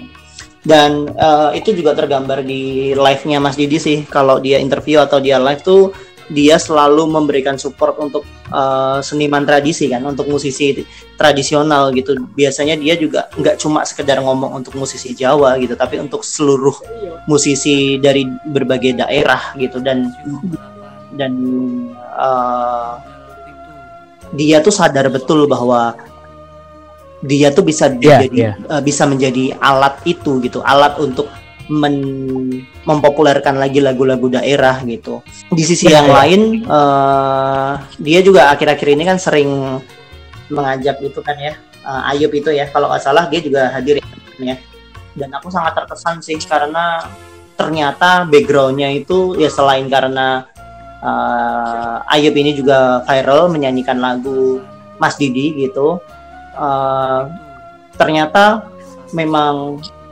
ya mau kita sadari atau tidak mau kita percaya Mas Didi sadar atau tidak tapi pasti di momen itu Mas Didi melihat bahwa uh, dia pengen merangkul yeah. Ayub yang berasal dari Papua itu ini juga karena di ya dia sadar bahwa konteks untuk menyatukan bangsa itu di momen itu kan krusial sekali benar nggak? Uh, Mas uh, si Ayub tuh cerita banyak soal keresahan beliau yang tidak terpublish ke media Mm -hmm. Jadi Pak D itu Mas Judi disebut sama Ayub tuh Pak D itu kata Ayub itu bercerita banyak soal mm -hmm. kesedihan dia mendengar berita rasial di insiden uh, rasisme di Surabaya waktu itu dan uh, ketika kebetulan momentumnya Ayub itu viral tanpa perlu pikir panjang uh, dia kemudian akhirnya menunjuk Ayub itu juga sebagai duta dalam tanda kutip uh, persaudaraan antara uh, teman-teman di Jawa dan teman-teman Papua. Karena pada pada waktu itu singgungannya sangat besar sekali gitu loh dan sebagai musisi kan uh, yang hanya bisa dilakukan Teman dia ya, ya itu, itu, itu kan ya berusaha untuk melebur batasan itu lewat lagu dan ya. penunjukan Ayub itu bukan cuma sekedar gimmick itu ada pesan kuat yang berusaha disampaikan. Bukan cuma sekedar gimmick bener bener bener bener karena kalau mau sekedar gimmick kan dia mending bisa duet sama yang mungkin namanya lebih besar dari dia bener kan? Atau mungkin ya, atau mungkin kalau, misalnya dia mau istilahnya mau, panjat sosial kalau dia masih ya, butuh itu satu, dia bisa ya, gitu duetnya sama yang lain tapi lebih, kenapa sama aja ya, beberapa kali kok dan itu. itu di tempat yang uh, apa namanya uh, potensi ke uh, singgungan antara teman-teman Jawa dan hanya itu lumayan tinggi seperti di Jogja karena kebetulan Aib juga berasal dari sana gitu. Jadi menurutku uh, tinggi ya. beliau memang visioner selain dari apa namanya pertimbangan pertimbangan uh, Ayub juga seorang sobat ambiar ya. Iya, tapi juga dia uh, punya pesan lain yang berusaha untuk disampaikan. Benar, benar dia tuh orang yang bisa memberi pesan tanpa banyak menggurui gitu. Yeah. dari lagunya, dari cara dia bersikap, dari caranya dia yeah, iya, menggandeng yeah, yeah. siapa yang mau diajak kolaborasi. Dan mungkin uh, Dori juga bisa cerita banyak ya sebenarnya ya tentang bagaimana dia uh, yang tadinya hanya istilahnya apa tukang kendangnya uh, pemu, apa juru kendangnya Mas Didi tiba-tiba didorong Mas Didi untuk jadi ke depan dan gitu. kalau dan dia sangat kalau dia soal dari bisa di, bahkan ada cerita menarik lagi bisa melihat lari jauh itu sebetulnya itu, awalnya itu. adalah uh, posisi kendang itu itu di uh, isi oleh bapaknya Dori setelah beberapa tahun kan uh, Dori uh, bapaknya Dori itu kan juga sakit ya dan kemudian belum lama ini kan berpulang hmm, sama yeah. Mas Didi kan kemudian digantikan oleh Dori gitu dan sejak awal itu makanya dia selalu bilang Dori itu seingatku pernah bilang bahwa mm-hmm. Dane Mas Didi itu dia sudah dianggap sebagai figur ayah karena Dori itu ikut Mas Didi itu dari umur 12 tahun dan memang di satu kesempatan Mas Didi itu pernah membuatkan beberapa karya untuk Mas Dori itu karena yeah. menurut Mas Didi itu suatu saat yang akan meneruskan tonggak uh, pop Jawa versi idealnya Mas Didi itu nanti Dori gitu. Mm -hmm. Ya, karena Dori kelihatan banget terpukul. Ya, aku beberapa hari ini juga ngobrol sama Dori dan ya cuma bisa uh, cuma bisa menguatkan saja gitu karena ya nggak gampang gitu buat semua tapi yeah, semoga yeah.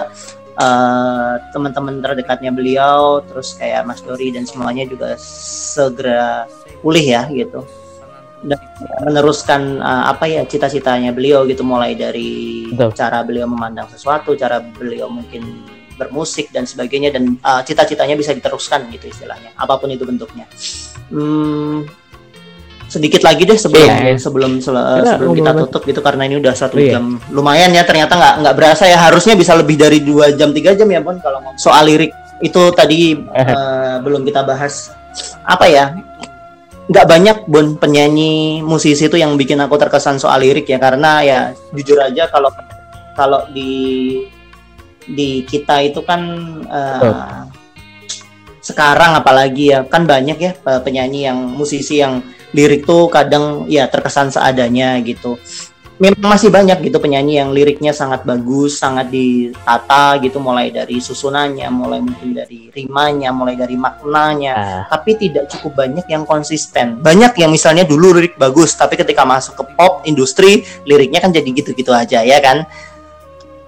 Tapi Mas Didi ini mau terkenal mau nggak terkenal, mau ada gelombang sobat ambiar atau enggak, uh, ya nggak peduli gitu. Dia tetap mempunyai presisi lirik tuh terjaga gitu Bon mulai dari Cidro mulai dari stasiun balapan Sewu Kuto sampai lagu-lagu yang terbaru mungkin lebih di tahun 2000 Kalung Emas uh, Parang Kritis terus Betul. yang sekarang-sekarang Nikeri lah terus apa yeah. Banyu Langit nggak ada perubahan Bon konsisten sekali dan kita pernah ngobrol kan hanya Mas Didi penyanyi yang bisa hmm. membuat kaitan antara ketombe, yeah.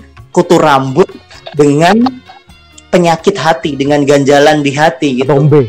Itu lagu di Sotresno ya.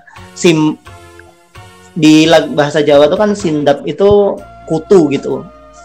Sindap uh, uh, bisa dikramasi gitu. Kutu itu kalau di rambut bisa dikramasi gitu. Tapi kalau sindapnya itu ada di hati, harus dengan apa dihilangkan? Itu kan aduh luar biasa. Aku yang menulis dan aku yang penyair aja sampai geleng-geleng gitu. Kayak ini gimana sih bisa membuat itu kan proses penciptaannya menarik gitu bun. Apakah dia karena mungkin ya uh, nyuwun sewu rambutnya panjang gitu kan mungkin ada ketombe atau ada apa terus dia garuk-garuk wah ini sesuatu yang menjengkelkan apakah ke ya. hati ya, dan itu ini bisa, sih, apa namanya? bisa jadi menarik sekali. Atau mungkin dia melihat orang itu untuk terkesan luar biasa gitu. putis dan apa namanya berusaha untuk mengambil diksi-diksi yang metafornya dake-dake kan sebetulnya kan. Apa ya? Ya halnya kalung emas. Oh aku juga sangat terkenal bun. Kalung emas sengono gulumu saiki malih tadi biru itu metafor lamanya sesuatu dikenakan terus dilepas itu sesuatu yang kita sering lihat, sesuatu yang kita sering lihat di cincin kan biasanya tangan itu biru atau kalung di leher mungkin kelihatan ada bekasnya. Tapi kita nggak pernah loh menuliskan itu. Dan dia dengan gayanya dengan caranya menuliskan itu dengan tepat dan bisa-bisanya ada rimanya gitu. Kalung emas sengono bulumu u saiki malih jadi biru. wah. untuk kaya tresnamu bun. Waduh Lutur yeah. kayak tim, lutur kayak terus apa? Uh, Saiki kowe lali karo aku. Wah, itu gila sih, Bun. Uh, Gak kebeli sih. Ketika dia membawakan lagu yang seperti yang tadi aku sebut di awal, ketika dia membawakan lagu Jawa yang yang nuansanya fun, itu dia tidak terkesan sedang membawakan lagu parodi yang kesan lucunya tuh digawe-gawe gitu loh. Ya, ya itu memang celetukan dalan yang kayak hmm. seperti aku pernah nulis itu ini di lirik kelengkeng Bandungan loh. Uh, sampai sekarang itu masih menjadi misteri. Uh, liriknya karena liriknya kan dia bilang apa namanya? Hmm, hmm. Kelengkeng Bandungan rasa uh, rasanya seger tenan. Uh, apa namanya? Di pancan di eh di sawang pancen enak. Terus hanya bisa dia tuku, hanya bisa dia beli ketika hmm. nek wis gajian. Nah, ini men menjadi pertanyaan banyak orang uh, kelengkeng itu sebetulnya dia merepresentasikan apa gitu karena kelengkeng hmm. hanya bisa dibeli di ketika gajian wih kelengkeng selarang opo tuh dan kita sudah tahu bahwa Bandungan apa? itu kan ya punya apa namanya punya uh, alternatif wisata lain selain pemandangannya kan ya ya intinya kan memang memang beliau itu yeah. Iya. uh, selalu mempunyai apa ya uh, maksud-maksud ter tersirat gitu ya kayak ini lah nggak cuma sekedar nggak cuma sekedar itu dan memang yang menarik itu kan kita bisa kayaknya kalau nggak banyak orang yang uh, bisa referensi. menjadikan momen ngiyup berteduh itu sebagai hmm. eh, sebagai sebuah lagu gitu ini kan nunut ngiyup itu kejadian yang sama sama sama biasa seperti kita nyalain kipas angin, seperti kita berjemur, iya. seperti kita buang sampah ya kayak sesuatu yang biasa aja gitu. Cuman ini ya mer mer merayakan momen nut niup dan itu menjadi lagu terkesan hangat karena di lirik itu kan dia uh, apa namanya dia melakukan interaksi dengan yang punya rumah dia bilang bahwa nek oleh ki ya aku mbok anu di di mangga kayak melebu ya kan dia bilang gitu. Tapi menurutku menarik gitu loh karena benar. momen niup itu tuh beneran se sepele banget tuh dia tim. Dan kamu tahu nggak yang paling menarik dari itu? Mata dia perspektif yeah. dia itu masih perspektif orang yang nggak punya mobil berarti. Walaupun memang lagu itu mungkin bisa dijadi diciptakan di momen dia mungkin belum sukses ya. Tapi tapi ya itu gitu bukti bahwa eh, saya juga percaya kalau misalnya dia nyiptainnya sekarang juga pasti menurut nyiup kok nggak yeah. mungkin nggak yeah, mungkin yeah. apa ya bikin lagunya yeah. uh, nyetel nyetel lagu minjem mobil udan-udan nggak mungkin kayak gitu gitu nggak akan gitu tetap menurutnya hmm. kalau hujan pasti uh, dia akan hmm. langsung menurutnya itu otomatis gitu lagu hmm. Iki Wae Sopo itu kan ngomong ngomongin cinta ya. Tapi di apiran awalnya gitu dia tuh ngomong gitu. Yeah. menarik banget liriknya. Wong yang lagi gandrung hmm. peduli meledosing gunung ya kan? Wong yang lagi ra peduli apa perang nuklir ya kan? Hmm. terus gunung itu bencana alam. Perang nuklir ya jelas gitu. Ancaman yang ditakuti negara-negara modern gitu. Uang yang lagi kepiket rap peduli dunia kiamat. Uang yang lagi nyenengi rap peduli lagi inflasi dengan kondisi ekonomi dengan bencana dengan yeah. ketakutan akan kiamat. Itu kan jenius banget.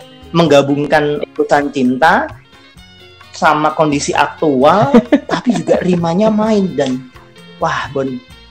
Bahkan bahkan ketika di lagunya yang baru ya maksudnya kayak itu dan sekaya itu, itu kan Prince uh, cara dia memposisikan diri sebagai wong paling menderita dan orang yang semeleh dan ngalah itu masih kelihatan. Kayak dia langsung membuka lagu suka dengan aku tak sengalah kan iki bang apa apa ya dim. Lagi melebu aku ya wes lah aku tak sengalah itu itu baru lagu awal dan itu ya Iya. aneh sekali sih. Tiba-tiba ada pengantar, nggak ada konteks, masih menjadi orang yang paling menderita sedunia bahkan karena status apa meskipun statusnya sekarang sudah menjadi seorang yang beda dengan Didi Kempot 10 atau 20 tahun yang lalu gitu. Kok tiba-tiba Iya. Iya. Paripasan Arab paripasan urip, urip awak urip kari balung kurang lilo tak kurang metafornya kurang apa tuh dim itu kan kayak apa orang yang sudah sang, saking banyak yang menelam asam garam dunia dan sudah kenyang dengan derita atau ngantuk urip kari balung loh lilo tak laku bener bener dan itu kan sebenarnya bener ya, itu kan ya, frase ya, ini ya. ya yang akrab sama orang uh, orang Jawa gitu ya. Maksudnya kalau uh, uh, seperti bilangnya uh, awak ini dari balung karuntut gitu. Uh, karena nggak ada lagi hanya tersisa tulang sama kentut gitu. Dan ya masih menggunakan menggunakan itu menggunakan frase-frase uh, yang dekat sama kelas uh, bawah gitu. Memukau sih dan oh iya Oh, belum. Uh, aku juga mau yeah, ngomong yeah. soal bakso sarjana bun. Kamu sempat dengerin nggak? Yang kemarin aku sempat itu coba kamu dengerin dan kamu kulik bun. Itu menurutku sangat menarik sekali karena dia menceritakan uh. kisah tentang seorang hmm. bapak atau bapak atau ibu lah ya, ya pokoknya bapak lah hmm. tua gitu yang usaha bakso tapi nggak bisa baca tulis dan dia pengen anaknya tuh sukses dengan standar uh. kalau ukur kesuksesan khas orang daerah menjadi dokter gitu ya tapi yang penting dari itu kan sebenarnya dia memotret ya itu tadi keinginan keinginan orang itu tuh untuk naik status sosial gitu. Walaupun ya kan walaupun di di kisah itu akhirnya sukses gitu e, sesuatu yang mungkin terdengar klise tapi kan memang itu menunjukkan optimisme. Nah yang menarik itu juga hmm. gitu. Meskipun lagunya sedih lagunya nelongso ada secuil apa ada keping-keping keikhlasan yang kita tuh bisa dapet gitu. Dari dari lagunya Mas Didi. Jadi nggak nggak melulu sedih gitu. Ada sesuatu yang tersirat oh ternyata nah, anak tukang bakso nggak punya duit itu bisa sukses loh. Iya kan? Betul. asalkan doakan sama orang tuanya asalkan Dan itu terus mau itu dia usaha sempurna gambaran itu mungkin gambaran sebagian gitu. besar uh, apa namanya apa yang terjadi di grassroots orang yang berjualan bakso selalu selalu punya harapan bahwa anaknya tidak berjualan bakso juga kecuali dia sudah di level Titoti atau di level bakso Alex ya mungkin ya. Cuman kalau bakso gerobak itu kan dia pasti berharap anaknya lebih dari dia. Aku dodol ini iya. genre anak genre kayak aku. Dia kan bilang gitu kan. Dan mengharapkan seorang anak menjadi seorang sarjana meskipun dalam tanda kutip dia hanya seorang penjual bakso itu kayaknya nggak banyak orang yang bisa menangkap perspektif itu selain Didi. Bener. Terus cerita tentang ah ada banyak banget bun. Oh. Uh, setelah kukulik tuh nggak cuma nggak cuma satu dua profesi atau tentang cinta cinta doang yang dibahas yeah. petani terus lagu buat gu bapak gubernur lagi-lagi soal anjing permanen pengairan kacau. Wah itu yang lagu judul bapak gubernur bun. Itu kalau kamu apa cari tahu liriknya itu ketat banget itunya rimanya terus urutan uh, tiap ba barisnya kayak gimana. Aku pernah bilang sama temenku kalau dia itu betul. tanpa ada lagunya sebenarnya itu sudah bernada dan namanya sudah ada gitu. Jadi nggak nggak nggak susah uh, uh. buat menjadi lagu. Maksudnya nggak susah tuh ya karena dia jenius karena menurutku ini bisa ini lekat sama pengaruh pengaruhnya ini sih Dim. Keluarga dia sih Dim. Ka karena uh, almarhum Ren yeah. apa Edi Gudel Rantai Edi Gudel dan Mas Mame itu kan dari orang yang apa namanya tumbuh di kultur pertunjukan dan seni komedi ya jadi menurutku uh, Mas Didi itu akan selalu punya perspektif sebagai seorang musisi, sebagai seorang Jawa, uh, dan juga sebagai seorang yang besar di keluarga pelawak gitu loh. Jadi bukan sesuatu yang baru lagi kalau misalnya dia bisa mengkombinasikan sedih, tapi juga bisa membuat kita terkekeh pada saat bersamaan gitu loh. Sebetulnya yang yang luput belum belum kita omongin juga adalah ini sih, Dim. Bagaimana kemudian kesaksian dari orang-orang di luar suku Jawa yang yang yang ternyata dia juga merasa relate dan merasa ya, itu menarik. Uh, punya hubungan emosional dengan lagu-lagu Mas Didi gitu loh. Mungkin dia dia pernah kuliah di Jogja, mungkin dia pernah kuliah di Solo atau bahkan tidak mengalami semuanya, tapi ketika mendengarkan lagu Mas Didi itu kayak dia disuguhi perspektif yang sama juga mungkin sama seperti ada di daerahnya. Karena kan uh, point of view sebagai seorang menderita sebagai seorang yang longso dan uh, sebagai masyarakat kelas bawah itu kan sebetulnya general ya dim ya. Cuma tinggal dicocokin aja kamu ada di mana kan. Dan menarik banget sebetulnya dengerin yang dengerin testimoni di sinkronis kemarin yang dia bilang bahwa saya sebetulnya nggak tahu liriknya. Saya cuma tahu nada ya cuma tahu lagu cuma musik bahasa universal. Tapi lebih dari itu uh, tema lagu Mas Yudi itu terasa relate buat saya. Bahkan ketika saya nggak tahu artinya itu yang menarik sebetulnya. Iya iya banyak kok Bon cerita-cerita tentang orang non Jawa yang akhirnya tanya temennya untuk nerjemahin atau nyari di internet karena beneran penasaran kenapa ini liriknya uh, yeah, kelihatan yeah. bagus Dan, nadanya uh, kelihatan berima yang itu tidak itu kalah pentingnya lagi adalah uh, mungkin agak sedikit dake-dake ya ini ya.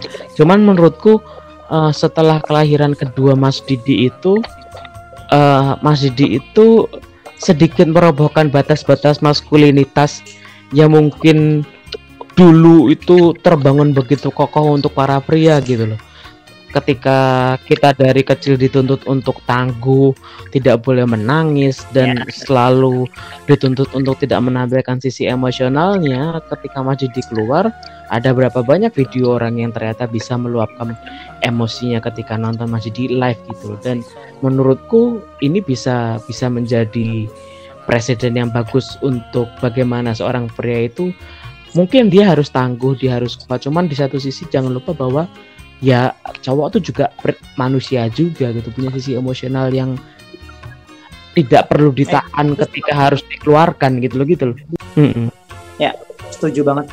Itu sumbang sih masih dia yang lain. Membuat lelaki berani menangis dan dia meminta orang untuk berani menangis untuk menertawai patah hatinya tapi ketika dia berlalu pergi betul. Mm -hmm. ketika dia berlalu pergi kita sama sekali nggak nggak bisa menerapkan itu gitu. Itu itu pukulan yang sangat telak sih gitu. Dia nggak memberi kita rambu-rambunya gitu ya kan. Dia tuh nggak uh, ya udah gitu aja. Dan dan yang menarik ya, memang memang memang memang ya dia datang dengan keikhlasan luar biasa kan. Dia masuk ke hidup kita tuh dengan yeah, ya yeah. dengan sumeleh dengan nerimo ya kan?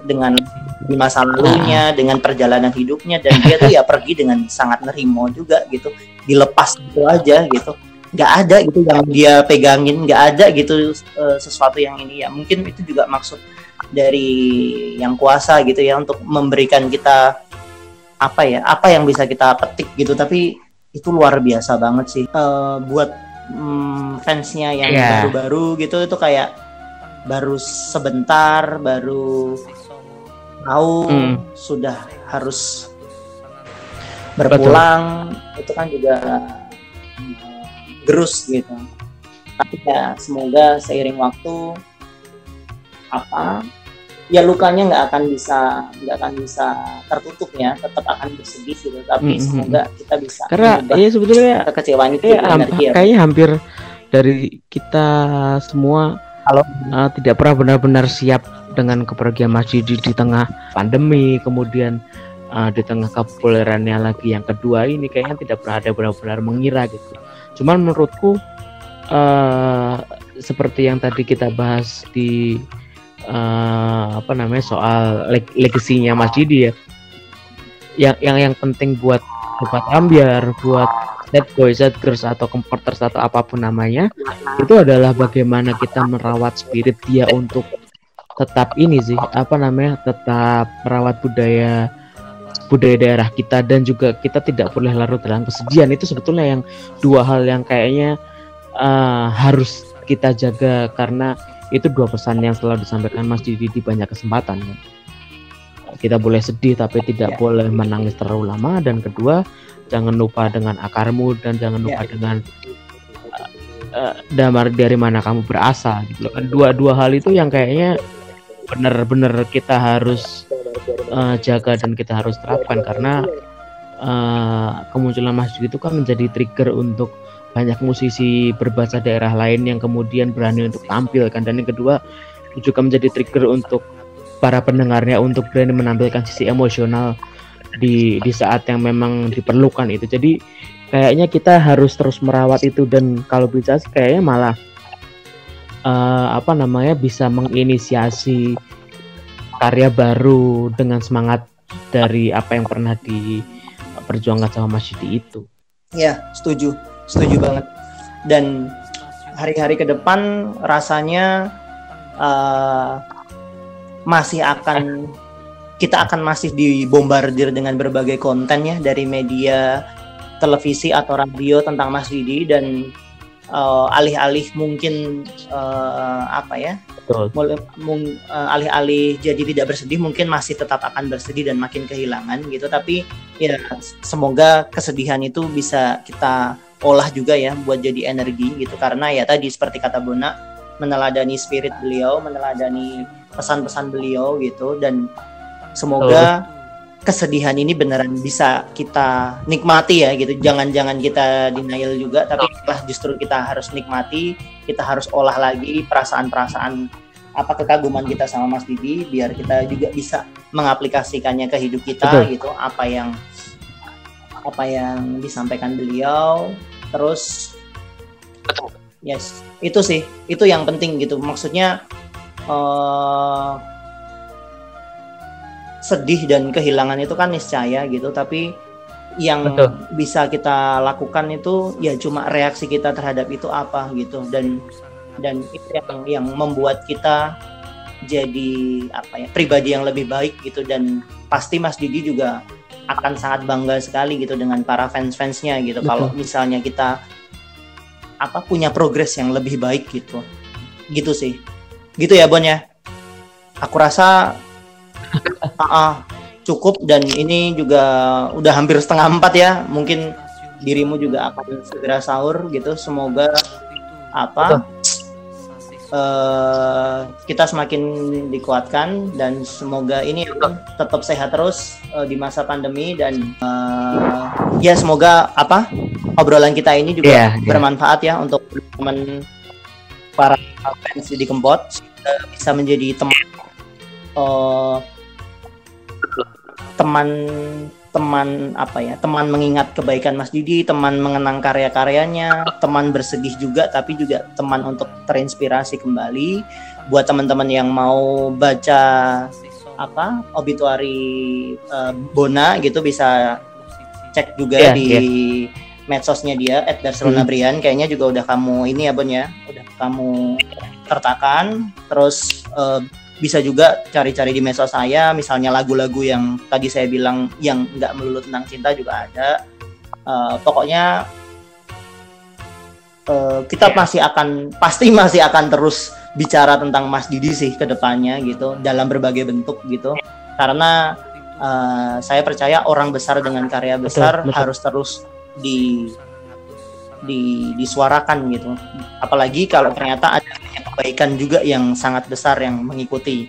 Karena dengar-dengar hari ini ini ya ada dan, petisi untuk bikin dan patung Mas Didi katanya uh, respon dari di Pak Rudi dan juga balapan. Kamu udah baca Solo kayaknya sih positif karena uh, di wawancara terakhir di Solo Post kayaknya saya baca kemarin uh, ini uh, Pak Rudi bilang setelah pandemi selesai uh, kita nanti akan ngobrol dengan budayawan dan juga beberapa tokoh kota Solo untuk uh, pembangunan itu. Jadi memang sudah ada rencana untuk ke arah Dan menurutku sudah sepantasnya sih itu itu itu itu, itu di diberlakukan karena Solo tuh punya banyak apa namanya punya banyak punya banyak putra terbaiknya yang uh, memang harus sudah mendapatkan respect setinggi itu. Dulu Suwardi Gesang kan juga uh, apa namanya uh, uh, juga akhirnya menjadi tokoh keroncong nasional. Terus apa namanya ada beberapa tokoh Sri Mulat yang punya jasa banyak dalam uh, perkembangan dunia komedi di Indonesia. Dan Mas Didi ini menurutku uh, salah satunya yang paling gampang relate ya ngomongin soal stasiun itu kan. Dan menurutku uh, tidak berlebihan lah kalau misalnya memang ada monumen atau bentuk penghormatan terhadap Mas Didi itu di, di di satu tempat yang uh, menguntung uh, bukan menguntungkan membuat uh, nama stasiun itu menjadi bukan cuma tempat pemberhentian doang gitu. Benar, benar, setuju, setuju. Mulai dari era kita bisa mengantar orang dengan pegangan tangan ya dari luar jendela dan dari -hmm. dalam jendela sampai sekarang kita cuma bisa nganter cuma dari luar doang. Itu uh, pengaruh lagu stasiun balapan tuh selalu membuat orang jadi sendu gitu. Bahkan jujur Bon, aku nggak pernah punya kasus kehilangan Betul. atau berpisah Setiap sama turun. pasangan di stasiun Betul. balapan. Tapi Setiap ketika turun aku dari balapan itu punya punya balapan, perasaan yang berbeda dan sama. Sepakat aku. Aneh sekali. Itu aneh. Apalagi orang yang punya kenangan di situ apa enggak nah. hancur gitu. Aku pernah bikin pertanyaan polling gitu sederhana ya kayak gitu pernah nggak sih kalian punya Eh, hmm. masa apa kenangan di stasiun balapan atau karena lagunya banyak banget yang ngomong dan mengenai patung itu sangat setuju gitu karena Betul. beliau selain jasanya besar memang uh, lebih dari musisi Bon udah bisa disebut pahlawan gitu bahkan Pak Joko Pinurbo uh, waktu itu Ana. kami berkabar ketika masih ini ada kan beliau juga uh, ngefans kan sama Didi Kempot uh, dia uh, dia cuma bilang dari dari seorang pemain ya gitu. itu luar biasa yeah. banget sampai sekarang seorang Pak Jokpin gitu Betul. penyair juga. Dan Pak Jokpin kan juga penyair gitu penyair besar dan dia juga ngefans gitu. Luar biasa sih. Dan itu ya yang yang agak sedikit menyesal ya itu ya kenapa apa ini semua tuh terjadi begitu yeah, cepat dan yeah. ketika beliau tuh lagi ada Karena di atas di bayangan, bisa berbuat lebih baik. Di bayangan kita tuh kayaknya mungkin ya namanya orang ya, tapi kan semoga... uh, punya pengharapan kan.